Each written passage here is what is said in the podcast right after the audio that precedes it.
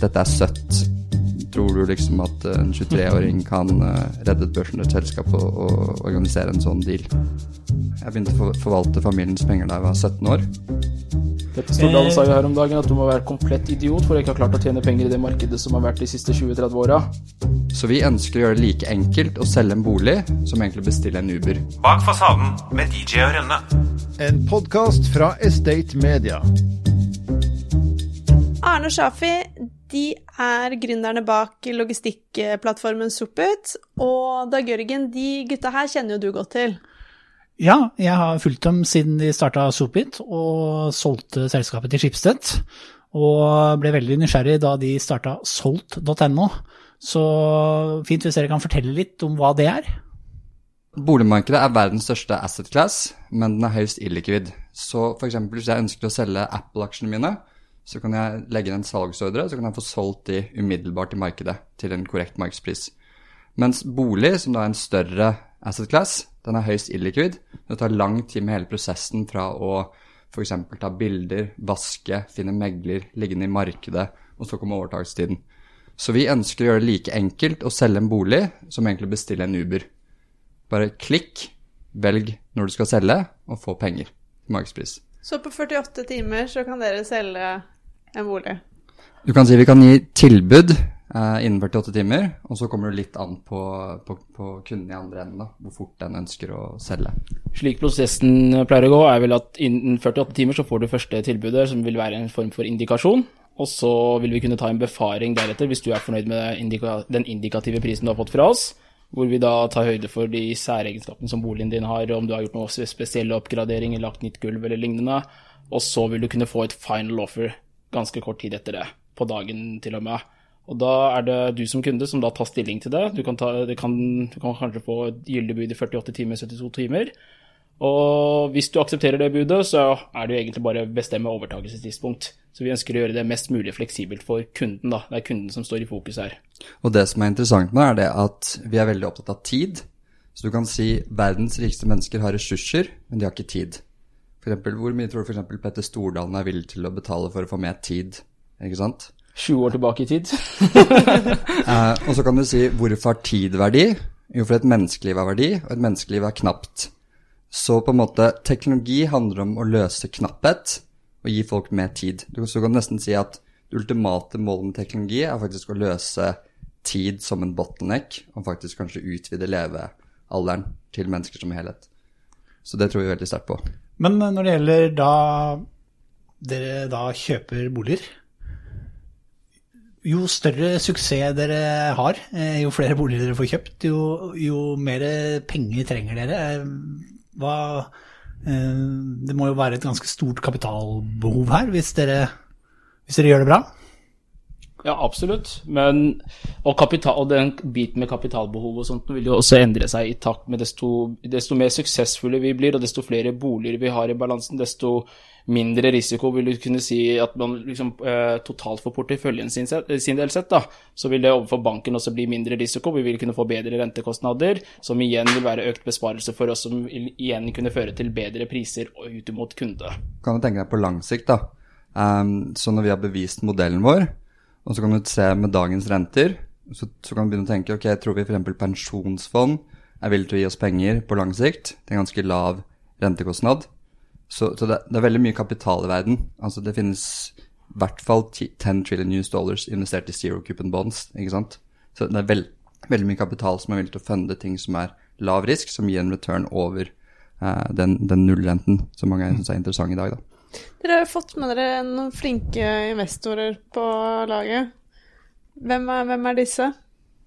Vi har bl.a. fått med oss eh, Christian Ringnes etter sist gang vi var i Estate med deg. Og vi har fått med oss Jan Christian Oppsal, som var med på å bygge opp eh, Tandberg i sin tid, og solgte det til Cisco. Fått med oss Anders Oppsal, som er eiendomsutvikler. Eh, Startup Lab er med på eiersiden, og så fikk vi også med Blommenholm Industrier, som også eier Skipsted.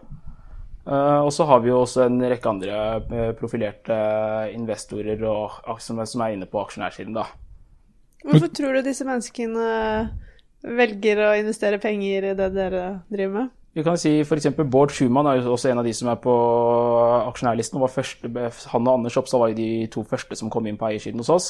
Og det, det han sa på dette her, var jo også for så vidt at på det tidspunktet når vi besøkte han i fjor, så hadde han eh, fått hvert fall Jeg hadde fått mange titalls gründere som hadde vært innom og fortalt om konsepter og prøvd å få han med på det på eiendom og proptek og forskjellig. Men så han at eneste selskapet han hadde investert i, det er oss. Og det rett og slett pga. passion, track recorden man hadde på det, og den unike ideen også som Dette er på en måte noe som ikke er blitt gjort i det hele tatt her hjemme i Norge. Og man pleier også å si at startup, hele konseptet bak startup rett og slett, er å kunne lage lage noe som du ikke får kjøpt for penger per dags dato. Og det samme kan du si med Supit også. Vi var villige til å betale for å få varene våre levert hjem innen to timer, men det var ingen som tilbød det på det tidspunktet. Og det samme er det i dag. Vi ønsker å få solgt boligen vår ganske raskt, men det er ingen som er ute og tilbyr det i markedet. Det, tar, det kan ta oppimot 120-140 dager, og da regner vi selvfølgelig også med den overtagelsestiden. Fra du bestemmer deg til å selge, til du har lagt boligen ut på Finn, til den er solgt, og til én til to måneders overtagelsestid. Det er ganske lang tid. Og det får vi gjort noe med nå. Så i stedet for å sitte og klage over det, så tenkte jeg at vet dette kan vi gjøre noe med. Men hva sier meglerne? Meglerne bør jo være fornøyd med dette, for vi selger ut med megler også. Så i Oslo så nå så bruker vi jo Shala Partners. Så de bistår oss når vi kjøper objektet på oppgjøret. Og de bistår oss på den andre siden når vi legger boligen ut for salg. Så er det de som tar hele prosessen. Men det har vært noen kritiske røster fra Meglerforbund? Nei, han sa vel bare at løsningen vår er uh, for godt til å være sant. Så det er jo det vi ønsker at folk skal ha inntrykk av. At det er så magi, da. Det beste testimonial du kan få, det. Det har vi lagt på nettsiden. Ja. Så det syns vi var veldig hyggelig. Her hører du noen av de 3500 ansatte som jobber i For Service. Menneskene er vår viktigste ressurs og suksessfaktor. Så når For Service er opptatt av bærekraft, handler det også om den sosiale delen menneskene.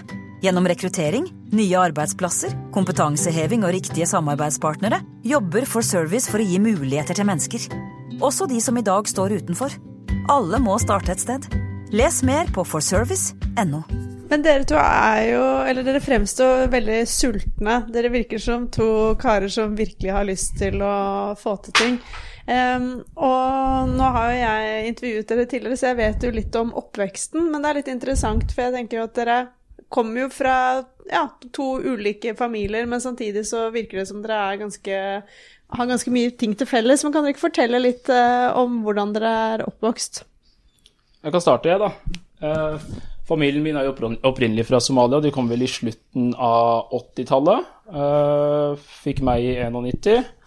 Og, veldig, og, far og mor ja, de var vel 24-25 år når de kom hit, og pappa tok hele utdannelsen sin her, utdannet IT-mann.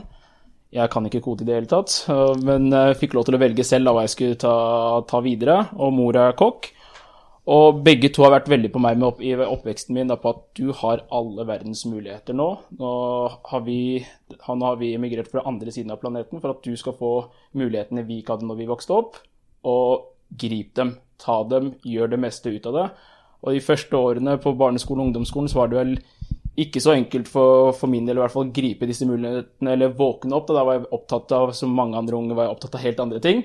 Uh, men det var vel på ungdomsskolen at uh, det var et skifte hos meg da hvor jeg var veldig opptatt av å kunne vise meg frem og kunne vise at jeg faktisk kan få til ting. Jeg er ikke så, er ikke så dum som, som, du skal ha det til. Da. Det var enkelte lærere som kunne være litt ekle på de greiene der, og da var det veldig viktig for meg å kunne få frem at vet du hva, jeg kan hvis jeg vil. Og den pushen jeg hadde hjemmefra også på at uh, det umulige er mulig. Du kan gjøre hva som helst. Og det begynte smått også med Jeg hadde første arbeidsplass da jeg var 13. Og da jeg var 15-16, så leste jeg boken 'Rich Dad Poor Dad'. Arne kommer vel til å si noen ord om det også, for han leste den ca. samtidig, selv om vi ikke kjente hverandre da. Vi ble kjent først to år seinere.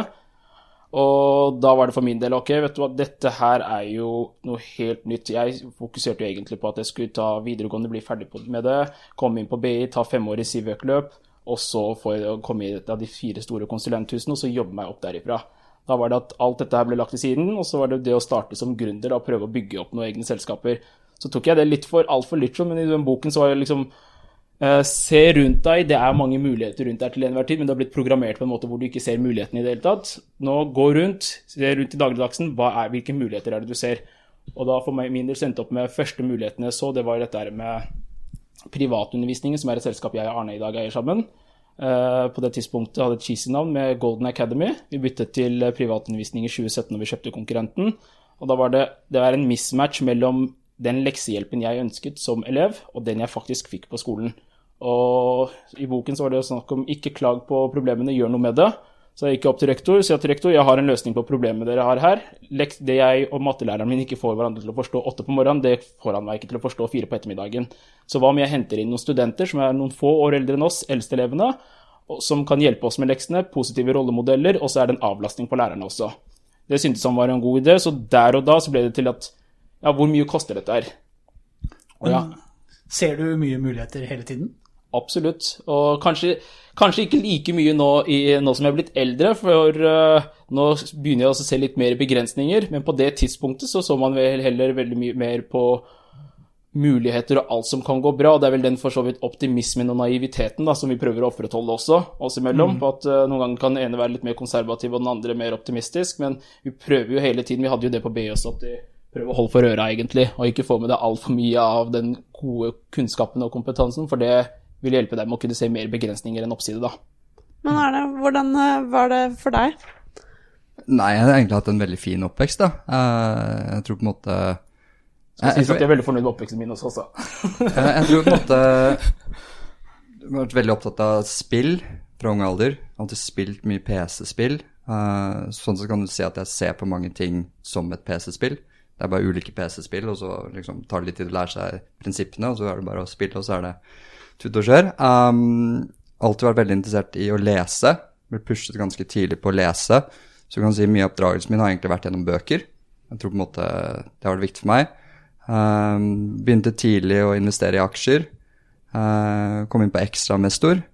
Uh, lærte mye der. Um, og så traff jeg jo Shafi på BI, um, og så fant vi ut at uh, mye av de Fortell om det møtet der når dere traff hverandre, eller da dere traff hverandre.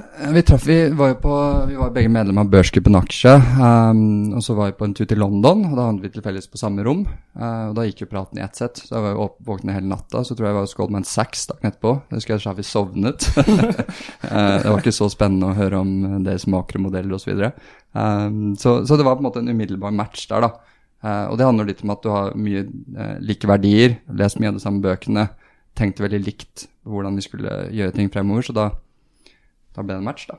Jeg husker jeg traff deg på et sånn aksjearrangement, faktisk, i forbindelse med det ekstrainvestor. Jeg tror jeg tenkte at han der, han var ganske cocky. er, er det noe du er, og er det noe som er viktig for gründere å være? Eh, Du kan si at Da jeg gikk på ungdomsskolen, husker jeg at jeg måtte, det var en gang jeg måtte gjemme meg inni i en fremmed bolig. Jeg husker det var noen folk fra en annen skole som skulle banke meg. da. Uh, så jeg tror ikke på en måte det var noe cocky, det er bare at jeg, jeg, jeg sliter litt av og til med å ikke si det som, som jeg tenker, da. Ja. Jeg sliter litt med den grensen, og for noen folk så kan det av og til være eh, Hva skal jeg si? Kanskje litt ubehagelig, da. Jeg vet ikke helt. Jeg husker da vi sa vi skulle starte opp Svolt.no, så sa jeg folk sånn Ja, men dere kan jo ingenting om bolig, eh, bla, bla, bla. Um, så var det sånn Ok, men dette er sånn vi kommer til å gjøre det. Jeg tror vi får det til pga. X, Y, Z. Eh, og da er det også sånn Ja, dette er veldig cocky. Så, så jeg vet ikke Ja, det er tap, tap, da. ja, nei, men så jeg vet ikke på en måte sånn Er det cocky på en måte hvis, hvis vi sier at vi skal gjøre noe, så gjør du det, og så La oss heller si at det er cocky når det Hvis det ikke fungerer, da. Det Så fungerer, på en måte som, jury still out. Det fungerer mer som en slags motivasjonsfaktor, kan du faktisk si. Jeg husker f.eks. var eh, Når vi faktisk skulle starte opp uh, Solgt.no, så var det jo en- megler som var liksom på at dette her kommer ikke til å funke i det hele tatt. Han hadde snakket med Arne. Sier han at dette her kommer ikke til å gå, dette funker ikke, og dette konseptet kommer ikke til å fly, dere kommer til å få hente av penger eventuelt og sånt slikt. Og, og sånn blir jo Det fyrer oss opp, da, spesielt Arne. Arne hadde da tatt kontaktinformasjonen hans da snakkes vi om seks måneder, når vi har dette her på plass. Og, og der satt vi seks måneder seinere, hvor dette faktisk var oppe og gikk. Vi hadde fått kjøpt første boligen, og konseptet begynner å fly også. Det er jo en form for det er, det er liksom Det er sånn fire under deg da, som gir deg motivasjon til å kunne prove other people wrong også. På at det er veldig fort gjort at folk pga. sine egne begrensninger ønsker å legge begrensninger på deg også. Det spørsmålet du stilte i stad også på ser du bare muligheter eller nedside. Så er det det å kunne være naiv nok til å tro at man skal kunne få, få det til, og samtidig også gjøre hjemmeleksene sine Altså, Det holder ikke bare med naivitet, men du kunne faktisk gjøre hjemmeleksene dine og bryte det ned til bare fundamentals, da. På, Det samme med, med, Funcom også, da. Når vi gjorde den dealen. Det var jo Ja, meg fortell om hva var det? Nei, ikke sant. Så du vet jo det at jeg har jo investert masse. Jeg begynte å forvalte familiens penger da jeg var 17 år, eh, med gode resultater. Eh, og så så vi en mulighet i aksjemarkedet, um, og så tok jeg kontakt med noen andre mennesker. Og så begynte vi å strukturere det vi trodde kunne være en god deal. Ja, så- fordi Funcom, de var blank. hadde kapit- altså, de ja, hadde ja. kapitalmangel. Ja, og så klassisk så er det sånn eh, Konsensus er sånn Ok, Funcom har en kjedelig historikk, de har aldri fått til noe, osv., osv., så, videre, så eh, vi vil ikke ta i dette selskapet her. Så, men vi så på det på en litt annen måte, eh, og da husker jeg på en måte eh, liksom Før vi hadde tatt kontakt med selskapet, så fikk jeg mye sånn innspill på sånn Dette er søtt. Tror du liksom at eh, en 23-åring kan eh, redde et børsnotert selskap og, og organisere en sånn deal? Så, men vi fikk det jo til. Vi gjorde det samme med Hvor Seabird. mye, hvor mye penger var det dere henta? Vi henta 50 millioner kroner, ja. Så det var ABG som offisielt hadde mandatet. Jeg husker jeg kom inn på kontoret til ABG med ryggsekk.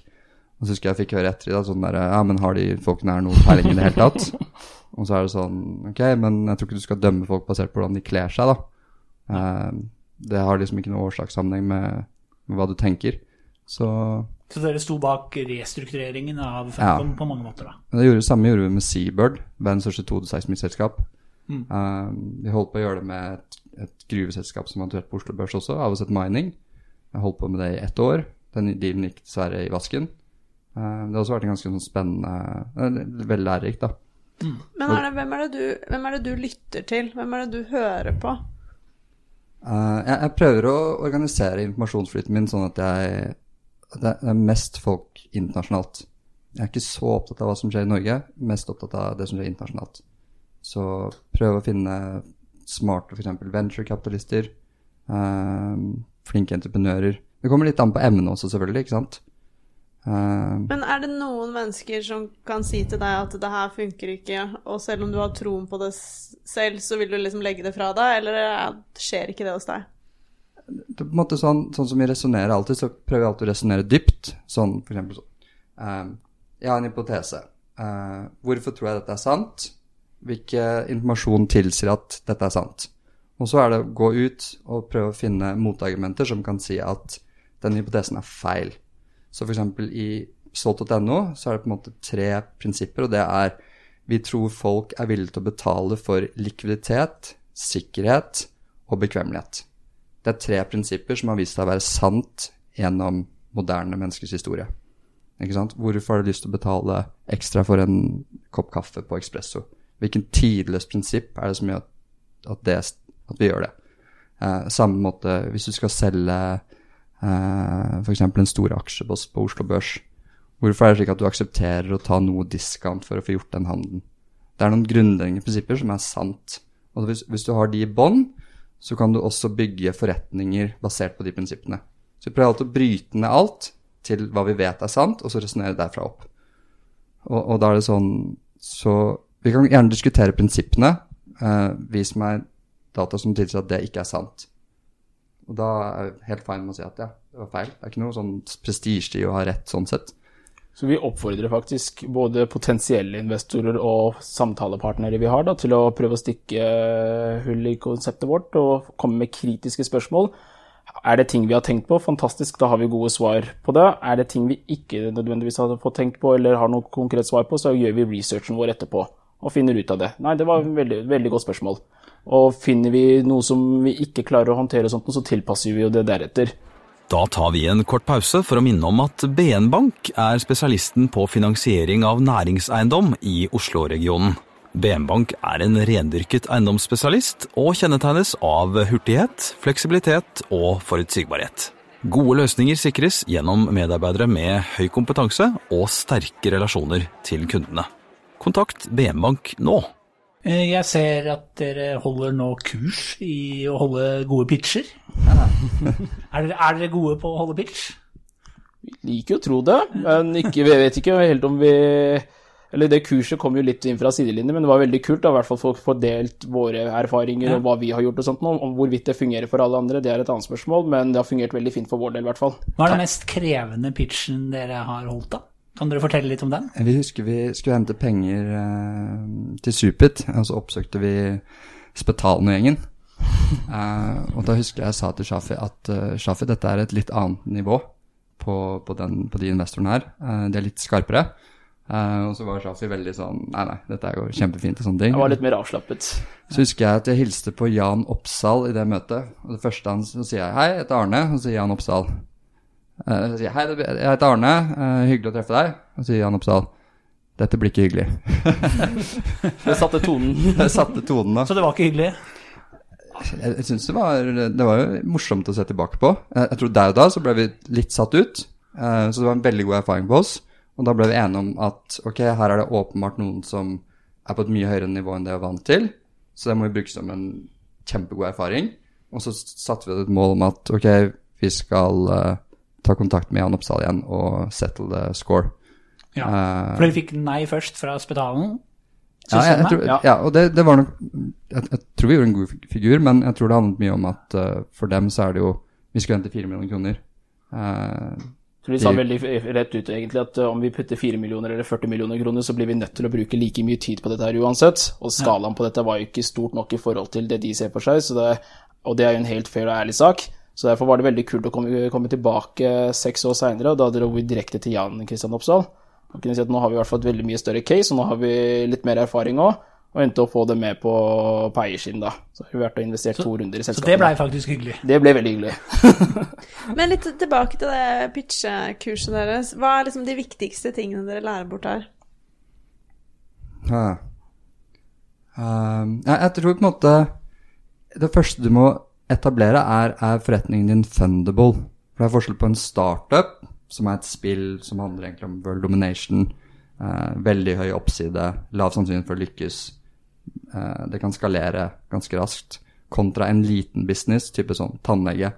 Eh, ikke samme skalerbarhet, mye mer fokus på overskudd tidlig. Så det er ikke en typisk forretning du kan gå til, til, den, til da, og si at jeg trenger mye penger for å eh, skalere opp virksomheten ganske raskt. Så, så det er på en måte det første du må måte se Er, det, er jeg fundable, da? Er forretningen vår fundable? Startet der. Ja. Hva tenker dere? For jeg, ofte så Jeg syns at dere har en interessant måte å tenke på, og hva er det liksom dere ser som ikke andre ser? Mm, jeg vet ikke om jeg ser så mye annerledes, egentlig. Jeg tror det er bare, egentlig bare den måten å tenke på. Og bare prøve å resonnere dypt. Finne ut hva som er sant. Eh, det er egentlig det. Vi, ser, vi kan si at vi ser akkurat de samme tingene som alle andre, men så er det enkelte ting vi ønsker faktisk å få gjort noe med. da. Det der med f.eks. Supit, måten vi startet det på, den storyen har vi fortalt mange ganger også, men det var vel snakk om at vi ønsket å se, vi ønsket å se filmen Wall Street den kvelden, da. Og så skulle vi være lovlydige borgere, ikke laste ulovlig ned på nettet. Så vi gikk inn på cdon.com, to til fem virkedager. Platekompaniet, to til fem virkedagers levering. Og så ser vi på platekompaniet at varen er på lager borte på Nationaltheatret. Så vi endte opp med å kjøre egen bil ned, og tilbakeveien så begynte vi å diskutere, i og med at vi er over- gjennomsnittet interessert i business, at her mistet cdon.com et salg, og platekompaniet er egentlig strengt tatt ikke noe særlig bedre. De har varen på lager, men hvorfor kunne ikke de bare levert det hjem til oss? Det er jo masse biler ute på veien, det er sikkert mange ungdommer som hadde vært villige til å ta, ta og gjøre dette for oss. Vi startet lett først med småsøskene våre. Vi kunne kanskje betalt dem 150 kroner, så kunne de henta det for oss. Og da da først begynt å komme ordentlig inn på at du, kanskje dette kan være en business. Begynte å søke opp, sjekke opp hva som hadde blitt gjort på dette her i USA. De pleier som regel å være langt foran oss på disse tingene. Og så så vi at noen hadde prøvd dette i slutten av 90-tallet. Ref det andre snakker om å gå dypt, dypt inn, inn på ting, da. Og så at her var det noen som hadde prøvd det. De feilet. Hvorfor feilet de? Jo, de feilet fordi de skulle ha de skulle eie hele verdikjeden. De skulle eie biler, varelager, eh, you name it. Og ettersom suksessen ble større og større, så gikk også arbeidskapitalbehovet opp i taket. Og når dotcom-boblen sprakk, så gikk de konkurs. Greit, kan vi gjøre noe annerledes nå? Nå er det 15 år seinere, verden ser annerledes ut. Kan vi bruke disse smarttelefonene osv. til å kunne kunne hva skal man si, mitigate disse risikofaktorene da, som er dette varelageret og arbeidskapitalbehov og sånt, og få gjort noe nytt med det. Og til slutt så følte vi at vi satt med faktisk et robust case, så var det det å kunne få henta penger til å få det fundet, da. Ja, fordi det var da dere, dere fikk inn penger, selv om Spetalen ikke ble med. Og så endte dere med å selge selskapet eh, til eh, Var det Skipsted Skipsted og Norgesgruppen. og Norgesgruppen. Ja. Eh, nå har dere hatt ett år hvor dere har kunnet fordype dere litt i proptech, norsk proptech også. Ærlig mening, hvordan er det norske proptech-markedet? Hvordan er det, er det bra aktører? Er de flinke? Jeg vet faktisk ikke. Du vet ikke? Jeg har ikke sett så mye på det. Du har ikke sett så mye på norske aktører? Nei. Men hvordan eh, opplever dere eiendomsbransjen, da? Ja. Uh... Nå er det mulighet til å slenge masse dritt her. Jeg tror de fleste vil være enige med oss på at det er veldig konservativt. Og det har vi, har vi også fått lagt merke til på at uh, vi har vært borti en god del eiendomsinvestorer. Eh, ikke alle er like fremoverlente på den digitale endringen som kommer og så videre, og som er, er veldig på at dette her er måten vi har gjort det på i mange år. Og samme så vi innenfor logistikk også. Og jeg tror det også er for så vidt en stor styrke for oss at vi ikke nødvendigvis har så veldig mye erfaring fra bransjen og stiller spørsmålstegn ved absolutt alt. Senest nå mens vi satt ute i hallen her nå, så har vi en sånn gruppechat på Facebook for teamet. Så er det en som driver og klager på at det er så innmari mange dokumenter som må signeres hver gang du skal kjøpe og selge et eller annet. Hver gang vi kjøper noe, så er det kanskje åtte-ti signaturer som man må drive og ta på bank-ID og fram og tilbake osv som, som, er oss opp imot oppgjørskontoret, selvfølgelig. da. Vi prøver å gjøre det enklest mulig for kunden, men for vår del så er det en god del prosesser som må gjøres om på. Og da er første svar vi får fra han ene som er på IT, ok, dette her har jeg en løsning på. Jeg har en løsning som vi kommer til å kunne rigge opp dette her på, som vil gjøre det enklere for oss og oppgjørskontoret, slik at ting blir mer og mer oversiktlig da. Så det er masse sånne småting som er liten skala iterering, men som på sikt vil kunne gjøre en stor endring for både oss og for, for eiendomsmarkedet. Jeg tror det har vært vanskeligere spill å spille enn eiendom de siste 20-30 årene. La oss si det sånn. Det kan vel kanskje ha noe med renta å gjøre. Det kan ha noe med det å gjøre. Petter Stordalen sa jo her om dagen at du må være komplett idiot for å ikke ha klart å tjene penger i det markedet som har vært de siste 20-30 åra. Brekkhus advokatfirma rådgir norske og internasjonale kunder innen en rekke sektorer. Våre eiendomsadvokater kjenner eiendomsbransjens muligheter og utfordringer, og bistår ulike aktører i utviklingsprosjekter, transaksjoner, megling, utleie og tvisteløsning. Vil du høre mer? Kontakt oss på post at breikhus.no. Hva er det som motiverer dere? Hva tenker dere at men Hva gir det å starte solgt.no? Hva, liksom, hva gir det dere? Jeg tror det er, det er på en måte veldig viktig å dytte verden i en retning som vi tror er rett, da. Uh, ja, hvordan, hvordan er liksom Nei, bare sånn det å Nummer én, vise at selv om du ikke har noe erfaring innenfor sektoren du går inn i, så er, så er det sant at alt kan læres. Så informasjon, det er bits som du kan laste ned i hjernen. Uh, og så er det ulik størrelse på filen. Eiendomsmarkedet er en egen fil som må lastes ned, og så må det si, uh, tenkes gjennom. Så, så, det har jeg lyst til å bevise at det er sant. Så vi kommer opp, så på en måte planen er å starte flere ting innenfor flere ulike bransjer over tiden. Um, og så er det på en måte det med at uh, det å selge en bolig trenger ikke å være så kjipt. Det kan være mye kulere. Vi, tenker, vi, er jo begge to veldig interessert i sci-fi og sånt også, så vi ser jo hele tiden opp imot sånne sci-fi-filmer og serier og sånt på hvordan sånn en potensiell fremtid kan være, da. Og så er det er det vi, hvilken grep er det vi kan gjøre for å bidra til at den fremtiden blir en realitet, og faktisk være med på å disse, få disse endringene fram.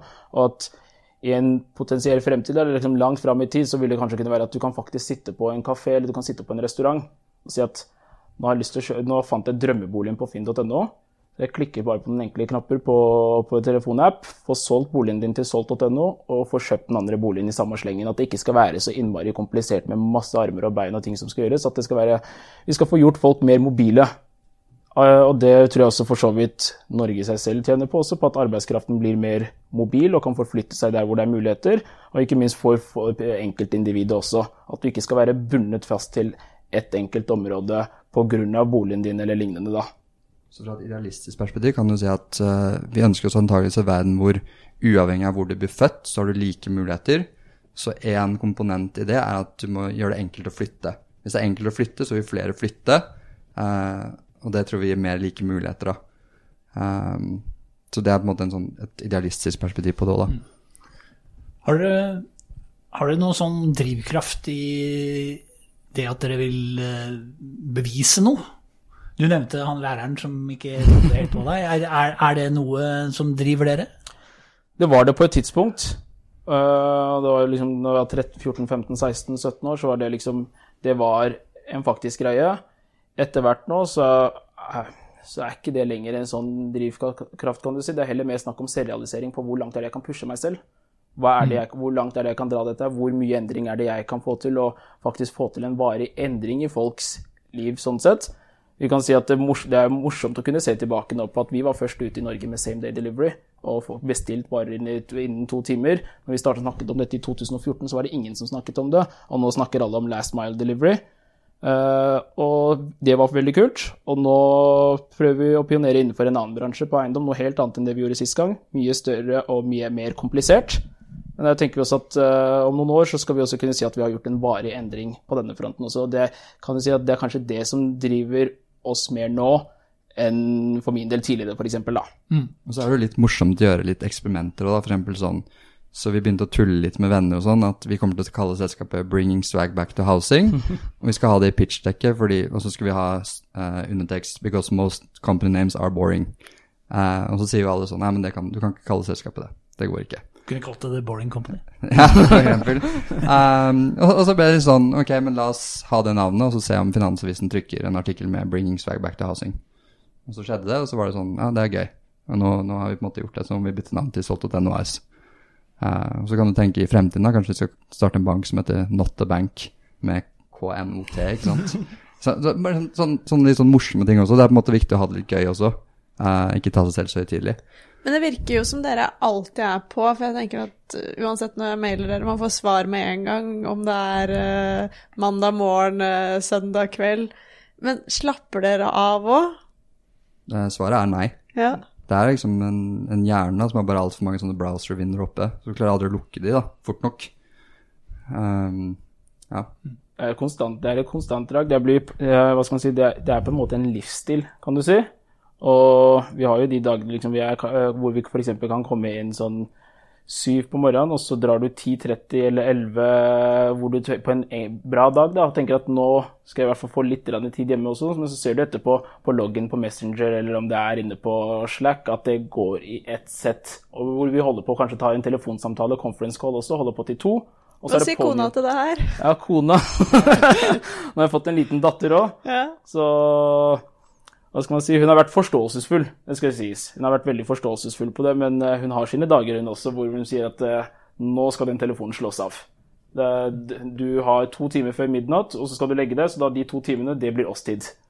Jeg pleier å måtte smugle mobilen inn i senga, jeg.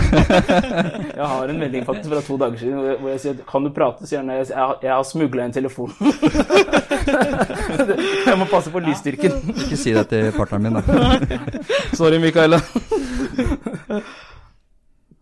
Er det noen ting dere tenker bare sånn dere veldig gjerne har lyst til å få ut til det, det norske folk? Jeg, jeg tror på en måte sånn Bare generelt så må du ha stor lidenskap for det du driver med, da. For ellers så klarer du ikke å pushe gjennom når ting blir ganske tøft. Eh, da vi startet opp Supit, så, så fikk faren til Shafi kreft. Eh, samtidig så var jeg inn og ut av, um, av Sykehuset, sykehuset pga. betennelse i, i spiserøret. Eh, og da husker jeg vi satt hver eneste dag da, på sykehuset og jobbet altså pushet gjennom, da. Eh, og jeg tror på en måte det er noe du trenger som entreprenør, fordi du vet at i starten så er alle veldig optimistiske. Du har en ny idé, skal ta i verden, ting er bra, ikke sant. Og så begynner realiteten å møte deg. Det er tungt, du skal gjøre alle de tingene som kanskje er ganske kjedelig. Eh, du får nei. eh, og så etter hvert så blir det bare tyngre og tyngre, og så handler det om egentlig å stå løpet ut og jobbe på å snu det Dette- momentumet, da. Og det sa jo for så vidt en av disse investorene som endte opp med å investere hos oss, at i det, altså i Supit, så var jo Skipsted, sa han også at han var veldig opptatt av Jeg spurte i etterkant hvorfor tok det så lang tid, for vi brukte nesten seks-åtte måneder på vettingprosess, kan du si, da, hvor vi hadde jevnlige møter og slikt og sånt, så var det veldig viktig for han å kunne se har man stamina, for det er som Arne sier, altså i starten så er jo alt fryd og gammen, og man tror dette skal til himmelen og sånt, men så har du noen tøffe dager hvor du får nei fra investorer, ting funker ikke helt på hjemmefronten, du går uten lønn. Eh, Vi var på det tidspunktet ferdig på skolen, og liksom klassekamerater har begynt i konsulentselskaper eller de forskjellige og har en fin lønn og sånt noe. Og spørsmålet hans var på en måte hvor lenge hvor, mye motgang tåler disse gutta før de eventuelt eh, dropper hele dette opplegget og tar seg en jobb, da. Og det skjedde jo ikke. Men apropos at alt går til himmelen. Jeg tenker dere to har jo jobbet sammen veldig tett nå i utallige mange timer eh, over en lang periode. Hvordan går det? Og det kan gå hot for seg, det også. Vi hadde jo, nå har vi blitt flinkere på det, men uh, har jo vært perioder med håndgemeng også de siste ti åra. For dere virker Jeg kan jo se for meg at begge dere to er ganske sta. Hæ. Så den er sånn kontinuerlig uh, ongoing process da, på å forbedre på også. På at nå har vi i hvert fall begynt å få noen rutiner og sånt på at det, vi diskuterer sak og ikke person. Uh, og vi, vi, utfordrer hverandre virkelig på opinions.